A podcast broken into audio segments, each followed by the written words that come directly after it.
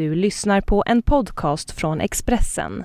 Ansvarig utgivare är Thomas Mattsson. Fler poddar hittar du på expressen.se podcast och på iTunes.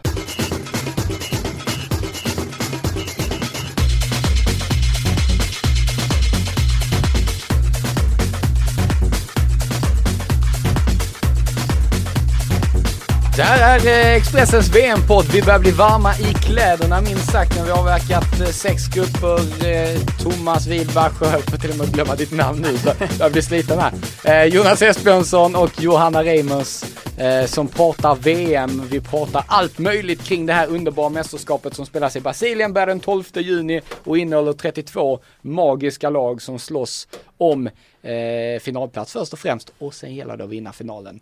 Johanna! Vi har är kommit det fram till... det går ja, till? det gäller att informera ja. även. Jag räknar liksom att vi får in eh, lyssnare från alla jobbigt... möjliga olika kunskapsnivåer. Jag tycker det är jobbigt att prata om den här gruppen.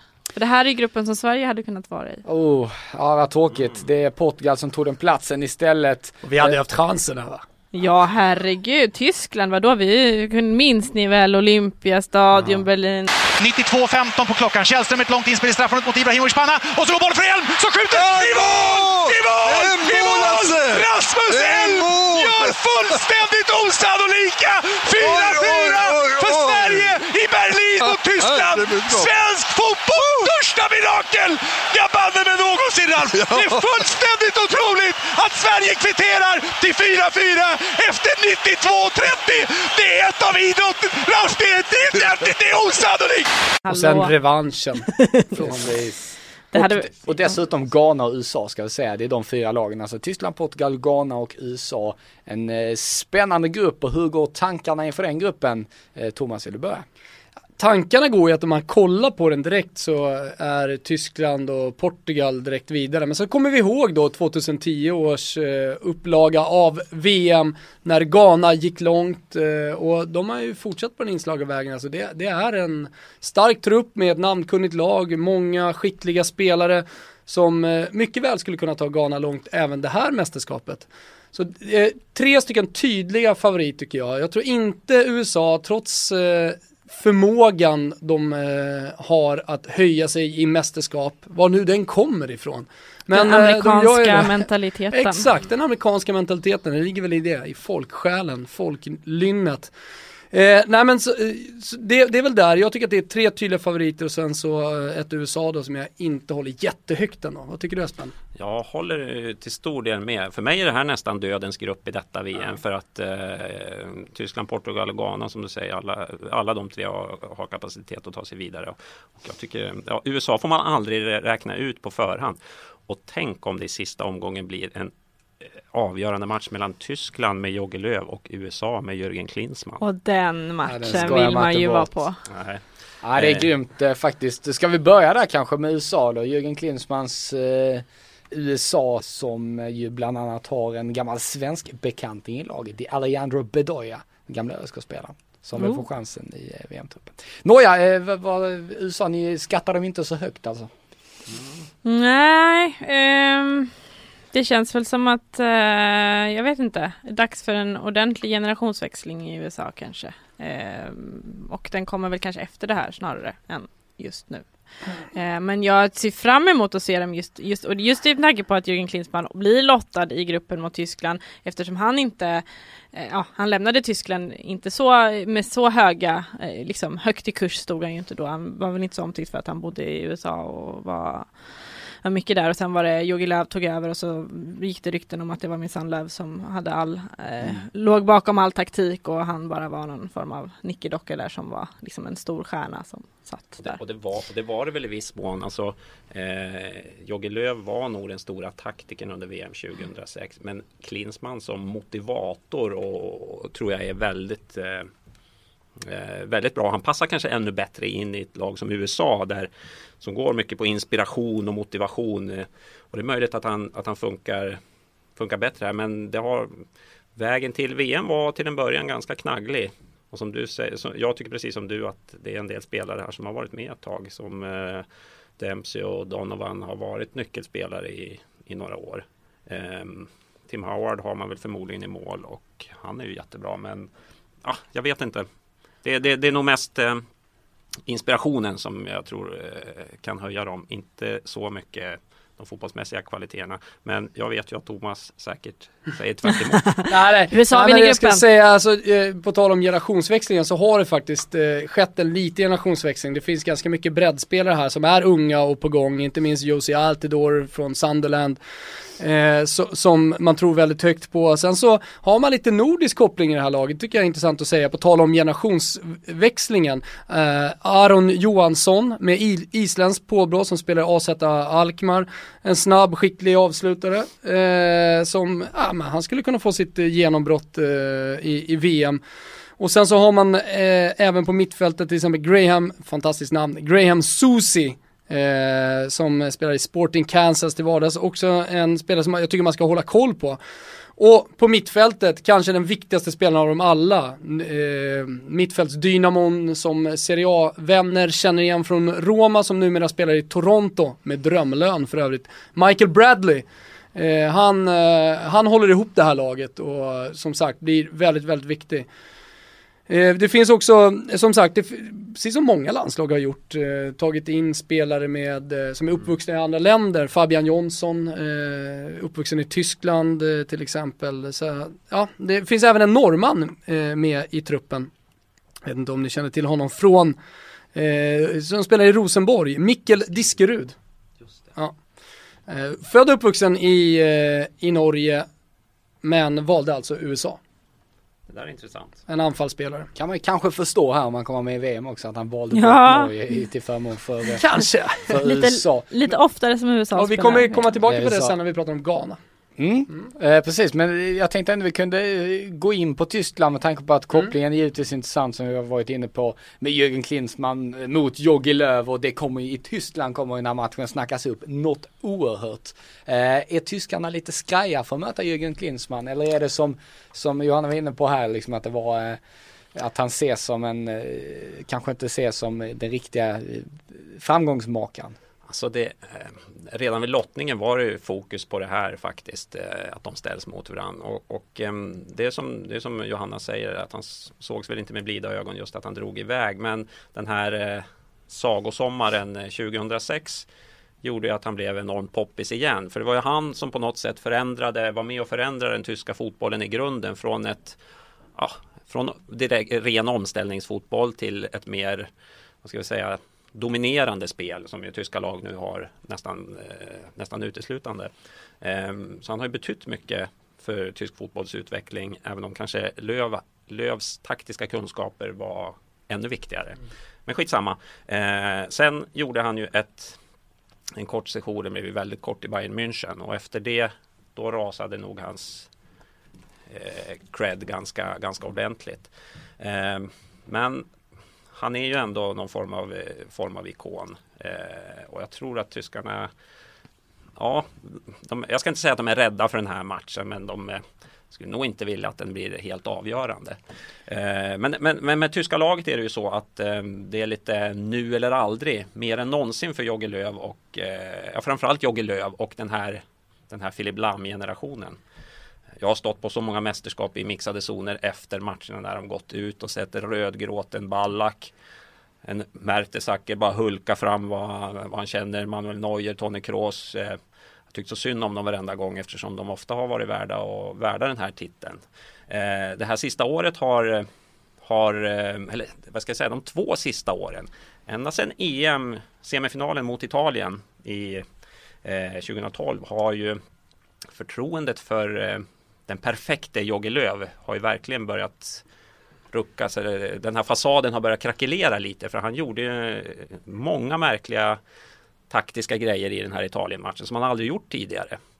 Sen ett par månader efter det lyckades man ju tappa 4-0 till 4-4 mot Sverige och det, efter det så är det lite, lite så här. Jag har ju ehm, eh, familjeband även till Tyskland och där är förtroendet inte lika orubbat som det har varit. Och det vill nog till att han lyckas den här gången. Men eh, det sista året har det har inte sett jättebra ut i landskamper och, och kval. Va?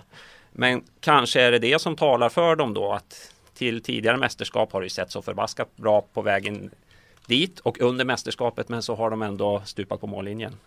Och Tyskland är ju av tradition väldigt bra på att precis som Italien bygga lag under mästerskap. De presterar ju ofta väldigt, väldigt bra eh, under långa turneringar. Eh, och det är ju liksom inget fel på spelarmaterialet här. Nej, det är ett understatement får man väl säga kanske. Superlag. Alltså det är det verkligen, alltså vilken, vilken trupp de har. Eh, om man bara får till det rent taktiskt så tror jag att tyskarna kan gå hela vägen till en VM-final.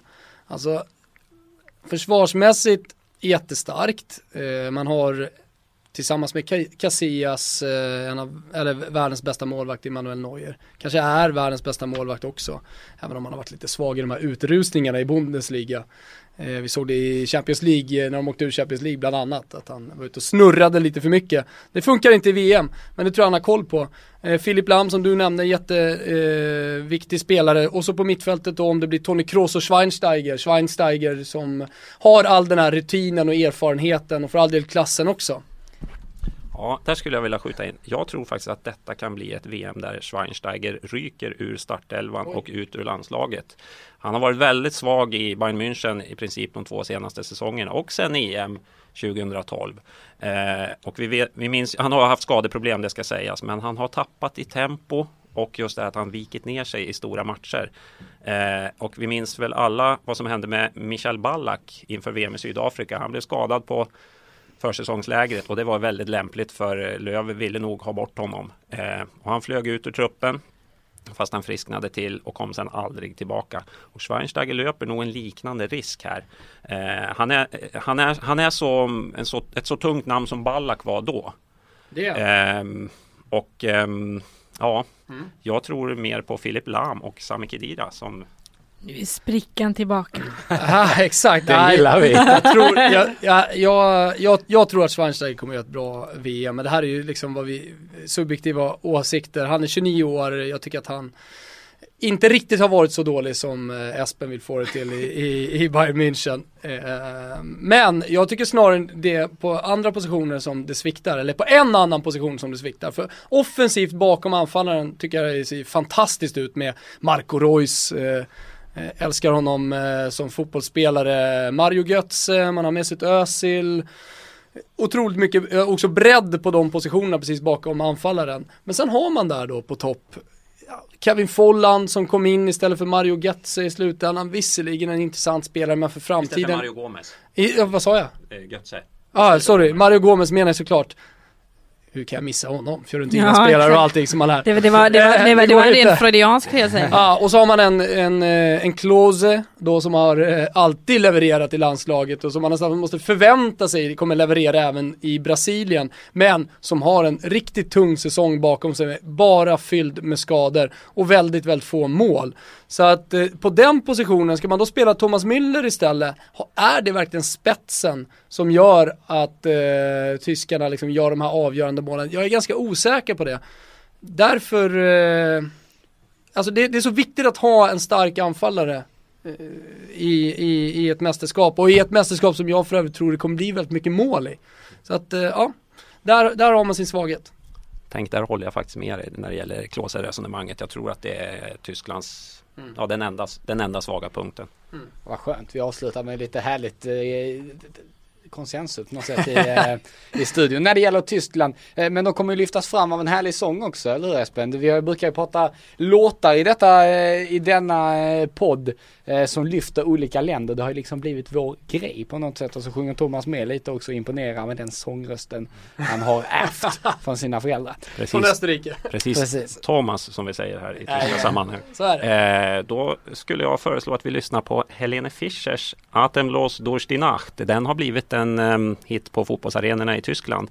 Eh, förutom i Dresden där den förbjöds här under våren eftersom eh, en av de östtyska ärkerivalerna också hade den som sin signaturmelodi. Nej då, det funkar inte.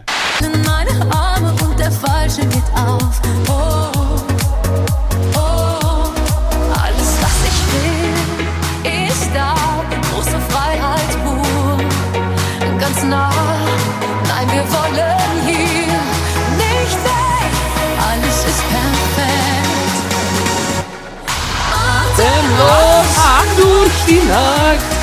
Ja, nu, är, nu är det tysk eh, pop liksom eh, stämning här i studion. Det är dans igen.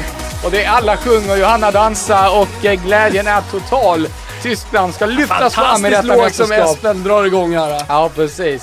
Ja, strålande. Då har ni fått eh, höra den också här. Eh, jag misstänker att det kommer bli härliga rytmer eh, även i Portugal för att det är nämligen en hyfsat Portugal. stark fotbollsnation. De slog Sverige. Det var nära att Zlatan vände på steken i playoffspelet men Cristiano Ronaldo visade vem som är bäst i varje fall i den matchen. Ja, det var faktiskt kryss nästan mellan de två i den matchen i och för sig. Men nåja, han visade att, eh, han, är, att han är en... eh, Känner hur, hur liksom jag, jag känner att jag- jobbig den här snurrade, jag snurrade in mig här i något resonemang som eh, jag kände att jag skulle fånga. Cristiano Ronaldo är en bra spelare i alla fall, det kan du säga. Jag nöjer mig så. Ja, men Portugal är väl ett av de länderna som vi i Sverige och många som lyssnar eh, känner till eh, bäst just på grund av att vi har mött dem i ett playoff och den eh, intensiva eh, mediebevakningen som var just under de två matcherna. Eh, det, det känns som att Portugal är ett land som vi kommer följa bara för att eh, de slog ut just Sverige lite grann. Tänk om Även i, laget. Ja. även i tidigare kval har vi stött på dem för inte länge sedan. Och går det dåligt, vi hade i alla fall gjort bättre. Precis. Ja. Och går det bra så, ja, ja vi, vi blev utslagna av Precis, ja exakt, exakt. Det är en så kallad win-win situation. Ja, men det är ju det. Det var så rätt att åka ut. Jag. Det liksom minskade allt press och så vidare. Ja. Jag skulle, nog, jag skulle nog vilja påstå att det här är ett lag som kan gå väldigt långt. Det är tredje gången i rad de hankar sig till ett slutspel Mm. via playoff. Men i, så fort detta lag kommer till slutspel så är de fruktansvärt bra. Det är bara Tyskland som har ett bättre facit i, i slutspel här under 2000-talet. Eh, och så skulle jag vilja säga att vid tidigare tillfällen har ju Cristiano Ronaldo inte varit lika bra som han är nu. Det talar för Portugal, tycker jag. Alltså ja, men om man kollar på gruppen här så tror jag att det kommer, eller tror, men det är väl ganska tydligt att det kommer stå om Portugal och just Ghana. Eh, Ett Ghana som eh, är, är ett starkt lag, alltså ett, ett bra lag och på, på pappret så ligger de ungefär lika som Portugal. Eh, det vill ju till också att lite andra spelare lyfter sig, alltså Cristiano Ronaldo kan ju inte göra allting hela tiden. Och då finns ju en, en till exempel en Jao eh, Moutinho som var väldigt bra under, denna, under båda de här två playoff-matcherna mot Sverige. Eh, som jag håller som en toppspelare. Eh, sen har vi den här sköna figuren Raul Meireles som eh, är en stenhård mittfältare som gör väldigt mycket nytta för Portugal. Jag, jag skulle nog säga att hela den här triangeln på mitten med Moutinho, Meireles och Miguel Veloso är väldigt, eh, den är lite underskattad jämfört med, om man jämför med andra landslag, de är förbaskat duktiga. Sen har de eh, eh, de har det ganska bra ställt bakåt också. Eh, Ytterbackar, Joao Pereira och förmodligen Fabio eh, Contrao. Eh, Contrao som ju har varit ifrågasatt rätt länge men har gjort en ganska bra säsong i Real Madrid får man säga. Och i mitten eh, tycker jag att Pepe som jag trodde var på väg ut för han har faktiskt lyft sig sista halvåret. Det som är frågetecknen i det här laget är väl längst bak och längst fram i mitten. Helt klart, jag håller, håller med. Du har en eh, Elder Postiga som eh, kom till Lazio i januari men har inte spelat någonting. Eh, hans karriär är ju verkligen på väg utför. Och jag, han sumpade ju väldigt mycket mål även i, i, i kvalet till det här mästerskapet. Så, och bakom honom så, så finns det inte så mycket heller. Eh, Du har en eh, Hugo Almeida alltså, som, som självklart också då är en så här nummer nio spelare som står i boxen och knoppar in spelarna och petar i, eh, bollarna och petar in dem. Men som också är, har blivit lite av en målsumpare. Ja, jag tror att eh, just Hugo Almeida och Elder Postiga måste vara lite kluvna till det här. De spelar i ett landslag som är riktigt jävla bra med världens bästa spelare. Och efter, efter varenda landskap är det de som får skit Ja. för att de har varit sämst på plan. Så är det. Med Johanna, all rätt. Johanna, vad tänker du kring eh, Portugal? Kan de på något sätt stärkas av att de har gått igenom ändå tufft kvar, alltså att de ändå fick playoff och var lite utsatta och att de vet att man tagit sig igenom det? Och tar man med sig någonting av sådant in i ett Och vi, kan ju, vi kan ju blicka tillbaka två år i tiden till EM där de också gick igenom en playoff och hankade sig fram och hit och dit och så och sen gick till EM-semifinal. Ehm, det, jättebra där. ja, Mm. och det är ju ett väldigt eh, tydligt tecken på dem och som sagt som, eh, som Espen var inne på här förut, det är tredje gången de tar sig igenom en playoff innan de tar sig till slutspel och ändå tar sig vidare liksom. Ehm, så att absolut, jag tror de kan gå väldigt starkt ur det här och för en liksom förbundskapten Bento som väl var på väg ut då, om han, om han hade fått sparken om han hade åkt ut mot Mm. Sverige eh, och nu får leda mitt VM, det, gör ju, det stärker ju säkert honom och hans position och hur han tänker taktiskt och sådär också så att eh, nej, jag eh, ser Portugal som rätt giftiga faktiskt. Eh, mm, även detta år. Och det finns mer än Ronaldo. Ja det finns ju mer än Ronaldo och det måste det ju finnas för att det är lite som med Zlatan och svenska landslaget att eh, man kan i, I Real Madrid behöver han inte göra allting själv och han, han kan inte göra allting själv i Portugal. Alltså det blir ju så enkelt att alltså, men, om inte han har spelare som Moutinho här som kan, som kan ge honom bollen, som kan liksom försätta honom i de situationerna som vi såg på Friends Arena till exempel. Så, så, så kan han inte göra de där sakerna som han gör som vi sen liksom rullar på Youtube hundra gånger om och tittar på. Liksom. Så Mm. att det är klart att han måste ha, ha en omgivning som gör att han är med. Att han är, men de, de tappar ju väldigt mycket utan honom. Om han skulle bli skadad eller något sånt där. Då är det ju liksom en väldigt, då tycker jag ändå att de tappar enormt mycket kvalitetsspets som gör att de blir mer ett mediokert lag. Eh, men de andra måste ju vara så pass tillräckligt bra för att kunna servera honom för att han ska kunna glänsa så mycket som han gör. Eh, så det är ju lite, lite både och. Men eh, utan honom är Portugal inte alls lika vast, helt klart. Och sen så gläds man väl lite åt eh, på något sätt skadeglädjen och slå ut eh, Sverige. Eh, den här killen som räckte finger till, eh, till eh, Eh, det svenska folket, kommer ni ihåg det? TV-bilderna visar ju när han firade i Portugal. Vad heter han? Han heter José, heter José heter han så? Pesqueira. Känner, känner igen det? Jag har dålig koll. Nåja, han räckte ju finger efter matchen. Mhm. Han är inte uttagen i truppen. Såklart. Han bommade VM efter hånat. eh, Bento kanske har precis som. Prandelli en sån Så där eh, etisk, Etisk kod. Ja, Han har visserligen gått ifrån den då med att han tog ut Chiellini som eh, var avstängd för armbåge. en, en, en eget sätt att se på moral och etik, Prandelli. Jag kan visserligen hålla med om, om just eh, Chiellinis, jag, värsta jag vet när man håller på att visa röda kort bara så fort en armbåge rå- råkar nudda någon eh, motståndare. Det är nästan värre än filmningarna, Jag- jag- domarnas fadäser. Jag tror dock också att sådana här etiska koder de blir ännu mer eh, modifierade ju närmare man kommer ett VM-slutspel och inser att man kan inte man kan inte stänga av alla spelare som har gjort Nej. något dumt om man vill kunna ta sig långt Nej, så är i det ett VM. såklart. Om det är någon som stängs av i Ghana, det vet vi inte ännu för VM har nämligen inte börjat. Men eh, vi vet att Ghana är ett erkänt starkt lag. Vi kommer ihåg dem från eh, förra mästerskapet som vi varit inne i eh, tidigare i denna poddserie, nämligen då där Asamoah Gyan missade straffen, hade chansen att ta Ghana till semifinal, men så blev det inte så. Han kanske får chansen igen. Gyan. Ja precis, det var coolt för övrigt att han gick in i den straffläggning efter då semifinal. Ja, och slå, efter då skulle mot- lägga en straff igen. Precis, och sätter den den. direkt. Jag talar matchen mot eh, Uruguay. För er som eh, Mm. eh, missat det. Vad finns det för förutsättningar för att lyckas igen tycker du Johanna? Ja, man önskar ju nästan att Ghana hade hamnat i en lite lättare grupp av den anledningen att det hade varit kul att se hur långt man är klar. För jag tror faktiskt att både Tyskland och Portugal blir för svåra men åh, jag vet inte.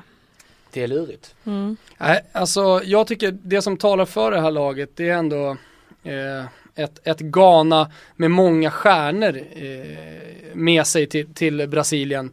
Alltså du, har du nämnde ju Asamoah Gyan, det är själv, han blir ju självklart väldigt, väldigt viktig. Eh, man har även André Ajev eh, som spelar i Marseille till vardags, alltså en eh, supertalang, en av Ghanas bästa fotbollsspelare, var hans pappa tidigare. Det är väl vissa som är så gamla som Espen som kommer ihåg Ajev. men, men det är hur som helst en snabb teknisk anfallare som skulle kunna komma in om det inte funkar för eh, Asamoah Gyan. Sen har man ett starkt mittfält, ett superstarkt mittfält. Eh, visserligen så kan man ju argumentera för att Mikael Essiens eh, karriär är på väg utför. Han kom ju till Milan på lån, eh, har inte fått spela speciellt mycket. Däremot så brukar han vara bra i landslaget just och jag tror att han kan höja sig ett mästerskap till. Eh, Soleil Montari, eh, ordinarie på mittfältet i, viss, i, ett, i ett krismilan, men eh, trots allt ordinarie i en italiensk eh, toppklubb. Och så har man en favoritspelare för mig personligen, eh, Juventus eh, mittfältaren Quadro Asamoah. Eh, dynamisk mittfältare, snabb, teknisk, eh, jättefin vänsterfot. Eh, spelar till vänster i klubblaget men här i, i Ghana kommer han nog få spela centralt på mitten och det är där jag tycker han är bäst. Och så precis mellan då anfallet och mittfält. Kevin Prince Boateng, Schalke-spelaren, på tal om Milan, tidigare Milan, eh, lite av en stjärna, spelade i alla tyska ungdomslandslag. Eh, han har ju sin bror som eh, Kommer håller möta till. brorsan. Ja, om, eh, precis, om brorsan får spela. Mm. Men, Men det talar väl för eh, Och det, är- att det, han får de, det är spela väl de också. som inte alls var polare? De var de har- inte men de är det nu. Ah, okej. De var inte, det var, var ännu mer snack om eh, bröderna Boateng inför Sydafrika-VM. Nu, är, nu har de och försonats då var det om vänner. just sprickan. Då mycket. var det precis om sprickan. Jag skriver om det eh, lite i, eh, i VM-guiden då som vi har. Som ni gärna får införskaffa. Eh, nej men, och han, han, han, är viktig, han är en viktig länk mellan mittfält och anfall. Eh, också en klassspelare. Och eh, han har ju faktiskt nu eh, här en, en bit före VM eh, tagit tillfället i akt och hetsa alla sina gamla tyska kompisar eftersom han har spelat med jättemånga av dem och sagt saker med, i stil med att han tycker inte Tyskland har det där som behövs. Så att det har nog eldat på ännu lite mera stämning mellan kanske både bröderna och eh, Kevin Prince och Tyskland eftersom han är ju väldigt tysk. Sånt gillar man ändå. Kanske vi vill att familjer håller sams men ändå lite hetsande lag Ja, men han säger också emellan. att, Det tycker jag är underbart. ja, han säger också att Ghana, de trivs i den här lite, eh, eh, liksom under, underdog eh, situationen, att de kan slå i underläge. För de flesta tror ju att eh, Portugal och eh, Tyskland går vidare. Mm, är det ditt tips också då? Jag tror det. Portugal, Tyskland, Espen, Japp, Tyskland, Portugal. Johanna Reimers. Jag säger samma sak. Sen för jag, försökte jag hinna googla här men jag hann inte googla. Men jag tror faktiskt att det är så att Kevin Prince Boateng döpte sin son till Jerome. Efter Ja. Jag är Det inte säker på det. Men jag vet för han, det var ju en av anledningarna till att han lämnade Milan och flyttade till eh, Tyskland var ju för att han skulle vara närmare sin son eftersom han, de separerade han och hans flickvän. Och jag har för mig att hans son heter Jerome. Tillsammans med Melissa. Satta. Ja, eh, F, F, nu efter Numera, han ja, och har ju, eh, hon är ju en italiensk eh, eh, tjej som har varit ihop med andra stora fotbollsspelare tidigare, inte minst Christian Vieri väl. Ryktena var ju, jag var ju i, i, Milano när det här, allt det här hände. Ryktena var ju att de separerade för att han fick ihop det med någon italiensk journalist där ett tag. också.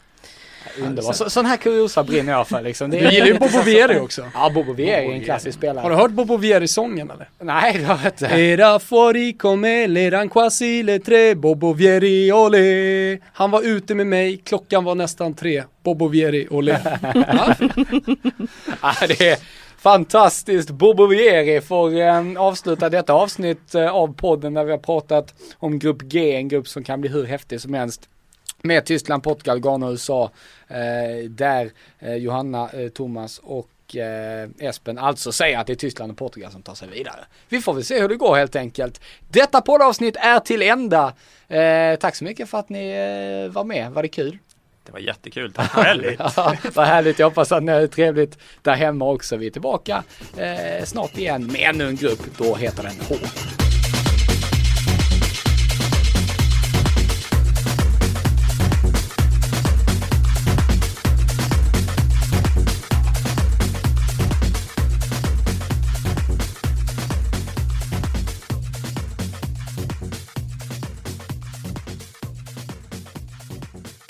Du har lyssnat på en podcast från Expressen. Ansvarig utgivare är Thomas Mattsson. Fler poddar hittar du på expressen.se podcast och på iTunes.